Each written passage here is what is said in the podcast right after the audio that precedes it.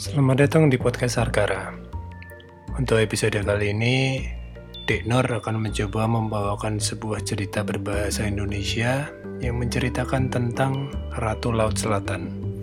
Kisah ini diambil dari cerita rakyat dari Yogyakarta jilid 2 yang ditulis oleh Pak Di Sumanto dan diterbitkan Grasindo, Jakarta 1999.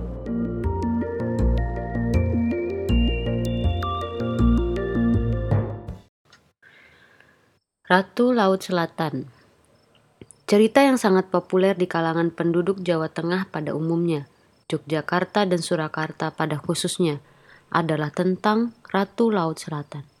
Oleh masyarakat luas, ia disebut dengan nama Kanjeng Ratu Kidul. Penduduk membayangkan di dasar Laut Selatan, yakni samudra di sebelah selatan Pulau Jawa, ada kerajaan paling indah yang bertahta seorang wanita yang sangat cantik, Ratu Kidul. Ia senantiasa diceritakan menjalin hubungan dengan raja-raja di Jawa, khususnya Susuhunan Pakubuwono di Surakarta dan Sultan Hamengkubuwono di Yogyakarta.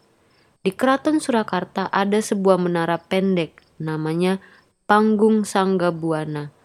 Penduduk Surakarta membayangkan di tempat ini Raja di Surakarta mengadakan pertemuan dengan Ratu Laut Selatan. Sultan Hamengkubuwono sejak yang pertama hingga sekarang senantiasa menyelenggarakan labuhan, yakni mengirimkan barang-barang tertentu ke Laut Selatan dan ke Gunung Merapi. Rupanya memang ada hubungan antara Gunung Merapi dengan Laut Selatan. Menurut cerita dalam babat tanah Jawi, yakni sejarah yang diceritakan secara tradisional, Hubungan antara raja-raja di Jawa Tengah dengan Ratu Laut Selatan sudah dimulai semenjak Senopati, pendiri dinasti Mataram. Dikisahkan Senopati yang semula dikenal dengan nama Ngabehi Loring Pasar sudah lama bercita-cita menjadi raja yang berdaulat. Selama ini kekuasaannya terbatas karena masih di bawah pengawasan Sultan di Pajang, suatu tempat yang jaraknya sekitar 20 km dari Surakarta ke arah barat utara. Keinginannya menjadi raja itu semakin kuat tak kala ia bercengkrama di desa Lipura dan di atas batu yang indah. Ia tertidur. Pamannya Ki Juru Martani membangunkannya. Sebab jika ia memang menginginkan tahta dan mahkota, kurang pantas kalau cara mencapainya lewat bermalas-malasan. Begitu bangun, Senopati melihat cahaya berbentuk bulat bagaikan buah kelapa turun dari angkasa. Cahaya itu berkata bahwa kelak cita-citanya akan tercapai. Hanya saja kebesaran kerajaan terbatas hingga tahta yang diduduki cicitnya. Sesudah itu, ada makhluk-makhluk bertubuh tinggi, kulitnya putih, rambutnya pirang, suka mencapuri urusan kerajaan. Ramalan cahaya bulat sebesar kelapa itu membuat Senopati gelisah. Inilah yang mendorongnya memohon kepada Ki Juru Martani, pamannya, untuk naik ke puncak Gunung Merapi untuk meminta keterangan kepada dua makhluk halus penunggu gunung itu. Sementara itu, Senopati berjalan seorang diri, mengikuti aliran sungai Opak ke arah timur. Tak kala tiba di muara sungai, Senopati berjumpa dengan seekor ikan olor tunggu wulung, yang kemudian membawanya ke tepi sungai. Di sini ia berdoa kepada Allah, memuji kebesarannya dan memohon ampun, perlindungan, dan pertolongannya. Tak lama ia duduk di tepian sungai. Angin keras meniup dan air sungai mendidih. Peristiwa ini mendorong Ratu Laut Selatan muncul dari dasar laut dan melihat apa yang terjadi. Begitu tampak Senopati tengah berdoa, pahamlah Ratu Laut Selatan akan apa yang dicita-citakannya. Ratu mendekatinya, memberi hormat dan mengatakan bahwa di masa depan nanti kerajaan Mataram akan jaya. Kemudian, Ratu memohon Senopati turun ke dasar samudera, menikmati keindahan istananya dan berkasih kasihan. Apa yang terjadi dengan Ki Juru Martani yang diminta naik ke puncak Merapi tidak diketahui, tetapi kemudian ada berita bahwa makhluk-makhluk halus di gunung itu akan mendukung cita-cita Senopati. Hal ini juga sudah dikemukakan oleh Ratu Laut Selatan kepadanya. Dalam perjalanan keluar dari istana menuju daratan, maka mulai saat itu tampak hubungan yang dekat antara Gunung Merapi dan Kerajaan Laut Selatan dan Senopati yang kerajaannya terletak di kota gede. Ketika Sultan Hamengkubuwono I bertahta, konon beliau mempunyai kebiasaan duduk di singgasana sambil memusatkan perhatian lurus ke puncak Merapi.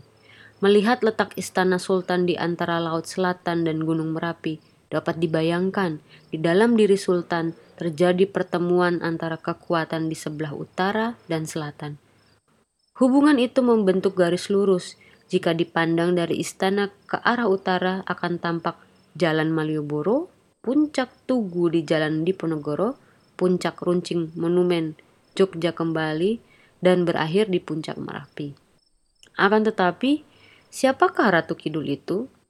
Konon, menurut empunya yang cerita, pada mulanya adalah seorang wanita yang berparas elok, Kadita namanya.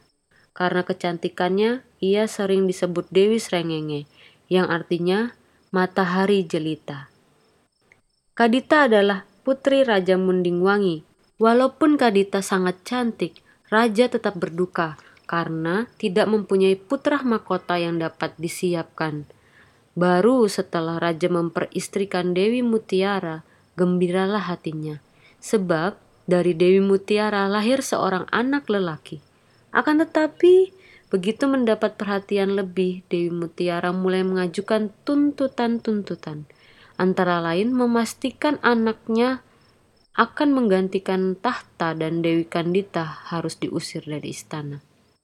Permintaan pertama diluluskan, tetapi untuk mengusir Kadita, Raja Munding Wangi tidak bersedia. Ini keterlaluan, sabdanya. Aku tidak bersedia meluluskan permintaanmu yang keji itu, sambungnya. Mendengar jawaban demikian, Dewi Mutiara malahan tersenyum sangat manis, sehingga kemarahan raja perlahan-lahan hilang. Tetapi dalam hati istri kedua itu membara dendam. Hari esoknya pagi-pagi sekali Mutiara mengutus Inang pengasuh memanggil seorang tukang sihir, si Jahil namanya. Kepadanya diperintahkan agar kepada Dewi Kandita dikirimkan guna-guna. Bikin tubuhnya berkudis dan berkurap, perintahnya. Kalau berhasil, besar hadiahnya untuk kamu, sambungnya. Si Jahil menyanggupinya. Malam harinya, tak kala Kadita sedang lelap, masuklah angin semilir ke dalam kamarnya. Angin itu berbau busuk, mirip bau bangkai. Tak kala Kadita terbangun, ia menjerit. Seluruh tubuhnya penuh dengan kudis, bernanah, dan sangat berbau tidak enak. Tak kala Raja Munding Wangi mendengar berita ini pada pagi harinya, sangat sedihlah hatinya. Dalam hati, tahu bahwa yang diderita Kadita bukan penyakit biasa, tetapi guna-guna. Raja juga sudah menduga sangat mungkin Mutiara yang merencanakan.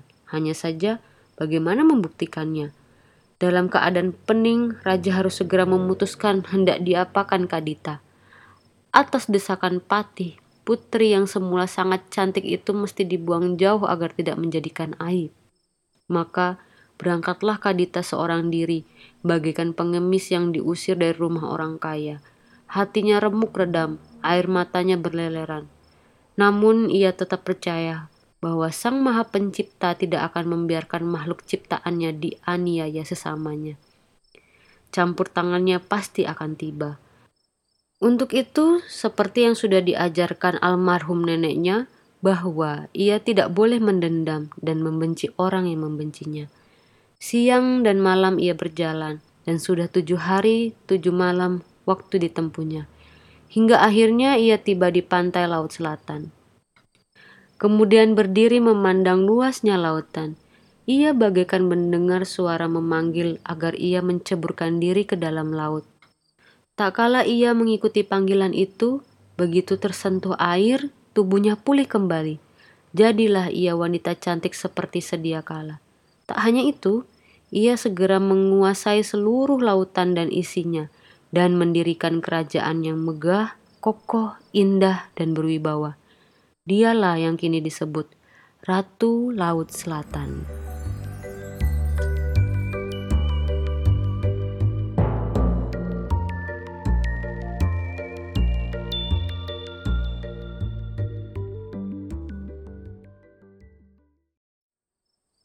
Denor, Ya, hmm, kamu baca apa ya Denor?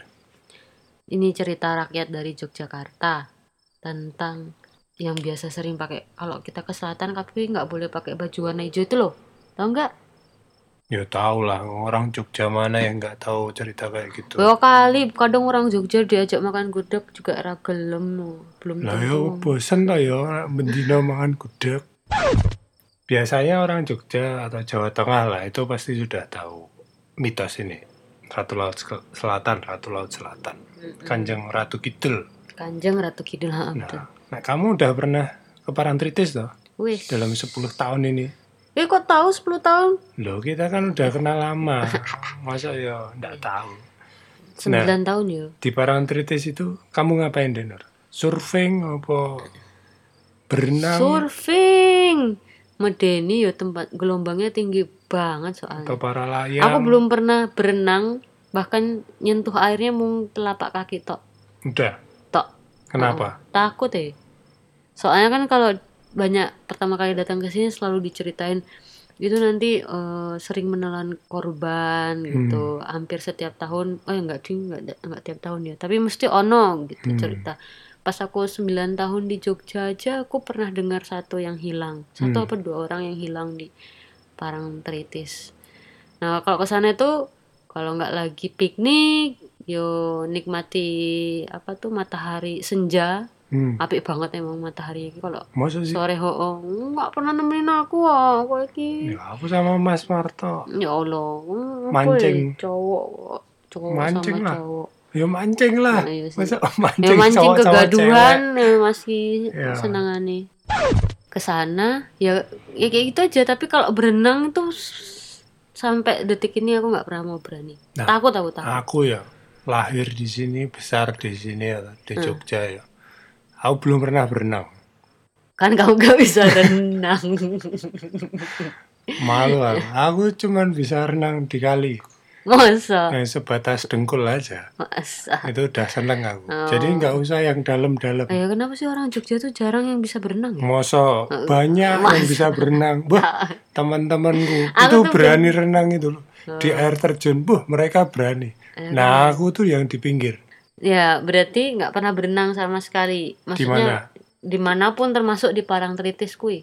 Ya di Parangtritis jelas nggak berani no. Kalau- Satu karena mitosnya. Heeh. Kalau yang kedua, wah kan ombaknya gede banget. Oh, oh sih ombak ombaknya kayak tinggi banget. Wah itu nek ngapiok kita atau Ngapiok kita betul. ngapiok itu me- apa ya airnya itu men- mengenai muka kita, Oh mengenai tinggi. tubuh kita. Ah. Nah, itu kita tuh kayak keseret toh. Katanya sih gitu. Nah, itu loh. Tapi Kalau kita ono kok berdiri- sing berenang Padahal kita berdiri toh. Itu tuh langsung biur. kayak airnya datang, kita kan kayak keseret. Heeh. Tapi logikanya ya masuk sih wong itu lautan lepas kok. Indian Ocean. Oh, apa? Samudra, Samudra apa? Samudra India. Iya kan Ayo. sama aja Indian Ocean. Lah kuwi mengartine. Ya, Apa terus- bahasa Jawane segara. Iya, oh segoro. Ah. Terus terus terus. Nah, cuman di samping mitosnya ya, Dek, ya, itu kan kepercayaan kita masyarakat Jawa Tengah pada umumnya. Nah, kaitannya dengan baju hijau. Tadi kan pernah dengar kalau kamu ada yang mengingatkan jangan pakai baju hijau ke pantai selatan. Mm-mm. Ini kita lepaskan dulu dari mitosnya. Nah, dari sisi logikanya. Ya katanya sih di pantai selatan tuh palung palungnya tuh gede banget, Hmm. banyak. Terus Terus di bawah kita ini maksudnya kota Jogja setengah di bagian selatan tuh kan kayak ngapung kan loh. hmm, Ngapung. ngeri ya kapal lah berarti. Yo Yo piye ya kayak ngapung gitu jadi masih ada celah air Hmm. apa celah samudra di bawahnya. Jadi kita daratannya tuh kayak ngapung gitu. Hmm, Nah, logikanya karena ombak yang tinggi terus samudra Hindia yang luas, hmm. yo ketarik lah terus kenapa nggak balik gitu nggak ditemukan lagi ya kan keseret ke dalam tuh Hmm. nah di dalam itu kan airnya berputar Hmm. katanya sih gitu Hmm. kalau baca ilmiahnya yuk kayak di blender kayak lo Hmm. blender hancur ya wes nggak nemu Lala, Terus kaitannya sama baju hijau? Nah itu aku juga nggak ngerti ya. Kok situ orang Jawa kok nanya saya. Dijawab ngontek di blender barang ternyata gak Ya kan secara gitu. logi logikanya kan Iya, gitu tadi. bener. Tapi kalau secara baju hijaunya Ya kan nanya baju hijau. tehe. Eh tapi emang semua korbannya rata-rata baju hijau. Ya ndak tahu, aku kan nggak mesti di parangtritis. Oh nggak harus ya? Cuman kan karena Kanjeng Ratu Kidul itu tuh identik dengan warna hijau tuh Iya. pakaiannya. Nah itu tuh disinyalir, diidin, diindikasikan bahwa yang menggunakan baju hijau itu mengenakan baju hijau akan dijadikan abdinya. Oh iya. Nah setelah itu mesti nggak nggak ditemukan lagi. Hmm. Nah itu kan dari sisi mitosnya. Nah dari sisi logikanya, nah menurutku yo karena aku nggak tahu, belum pernah lihat juga. Semisal kita itu tenggelam dan dan nggak ke blender kayak yang kamu omongin tadi itu loh, Denur. Misalnya masih mengapung, itu kan bisa menyerupai rumput laut. Mm-mm. Nah, oh iya. Ah, tapi Kan laut- hijau tuh. Iya sih, tapi Rumput cuman laut itu warnanya apa? Ungu. cuman itu lautnya Parangtritis itu, itu Hmm. warnanya itu rada hitam kan loh. Nah iya. Kan beda kayak pantai-pantai lain tuh, Hmm. kayak kalau di Kalimantan apa di Sulawesi itu kok dari atas pesawat tuh Hmm. warnanya toska-toska kan. Hmm. Tapi kalau pantai selatan tuh jelas-jelas warnanya butek. Loh. Oh, orang butek sih. Oh, Nanti sih? kalau kita mepet di karang, ya ini asumsi ya. Kalau kita itu tenggelam, kemudian mayat kita ini tuh mengapungnya di eh, deket-deket karang itu, itu kan hijau warnanya. Hmm, jadi nggak ketok Hijau. nggak Oh, kelihatan. jadi dikiranya wah itu rumput padahal Dudu. padahal ya manusia. Jadi Iya. akhirnya tubuhnya tidak ditemukan. Iya nah ini dari sisi nganu lho, asumsi Iya gimana? sih. Karena aku sendiri nggak pernah mau berenang di sana. Oh, aku iya. mending berenang di ini Kayak iso. kamar mandi. Mana cukup. Gue ember beres. Tambah nggak cukup. Nah, Tapi- kamu berani ya? Aku nggak lah kan aku udah bilang tadi, Ah, ya cuman udah. telapak kaki Nah, doang. iya. Tapi memang senjanya di sana tuh apik banget. Ya, berarti kita bisa anu meng- mengaitkan antara kewaspadaan kita Mm-mm. dan eh, menghargai laut. Ya, karena memang Ya udah. indah dan apa ya, memang kalau diceritanya kan berwibawa gitu kan. Hmm. Memang berwibawa. Jadi ketika melihat ombaknya itu kayak wow, gedenya. Wibawa. Gitu. Siapa ini yang wibawa? Ya, lautnya itu loh. Oh, Heeh, jadi gagah kayak iya gagah gagah Oh. gitu kayak uh keren gitu. Kaitannya dengan baju hijau dan Ratu Laut Selatan maksudnya adalah biarlah yang mitos ini tetap terpelihara di masyarakat yang mempercayainya, tapi dari sisi logikanya itu tuh semacam menjadi warning untuk kita. Ya. Bukan untuk takut ke parantritis enggak, tapi untuk menjaga sikap aja biar misalnya udah tahu lautnya itu dalam, udah tahu itu samudra India. Kok isih nekat berenang? Berarti kan udah tahu resikonya toh. Iya. Nah, maksudnya tuh, pok wis toh kita nikmati di pinggir eh, pantainya aja, terus lihat senjanya, makan kepiting apa Oh, apa ikan. undur-undur, tau nggak? Undur-undur itu gimana? Kerupuk undur- undur-undur. Ya tahu lah. Enak. Aku nanya tadi kerupuk. Ya undur-undur. ngetes aja. Ya Kenapa? ujian nasional sekarang musim ya. Ih, wih, beda zaman ya kita aku nggak ada ujian nasional. ya. Buh, kok bisa lulus? Pada intinya itu tadi sih. Nek dari aku yo, Denor kalau besok kamu ke pantai selatan, meskipun kamu tidak ada niatan berenang, Oh, kita belum pernah. wes itu di pinggirnya aja.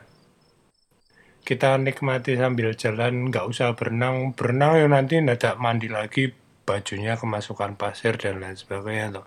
Wes mending nikmati senja. Tapi mitos ini- romantis ngono. Mitos ini dibentuk mungkin juga sebagai kita menghormati keberadaan laut gitu ya, Ya, iya. gitu gitu. Selain makanya kita kan misalnya dari perspektif mitos, kita menghormati ra- Ratu Laut Selatan. Heeh. Kemudian dari sisi logikanya kita itu menghormati lautan. Iya, Jadi sekali menyelam minum air. tenggelam. Yo haus kok. Tenggelam ya. Yo ke nganu lagi permukaan lagi. ya. Renang. Oh, oh. Sok serius ya, Mas. Iya. Pokoknya itu, makanya jangan dibikin serius-serius banget. pokoknya pokoknya Kalau ke pantai selatan tuh yo piknik wae, ojo yang aneh-aneh wis. Lah iya, alasannya?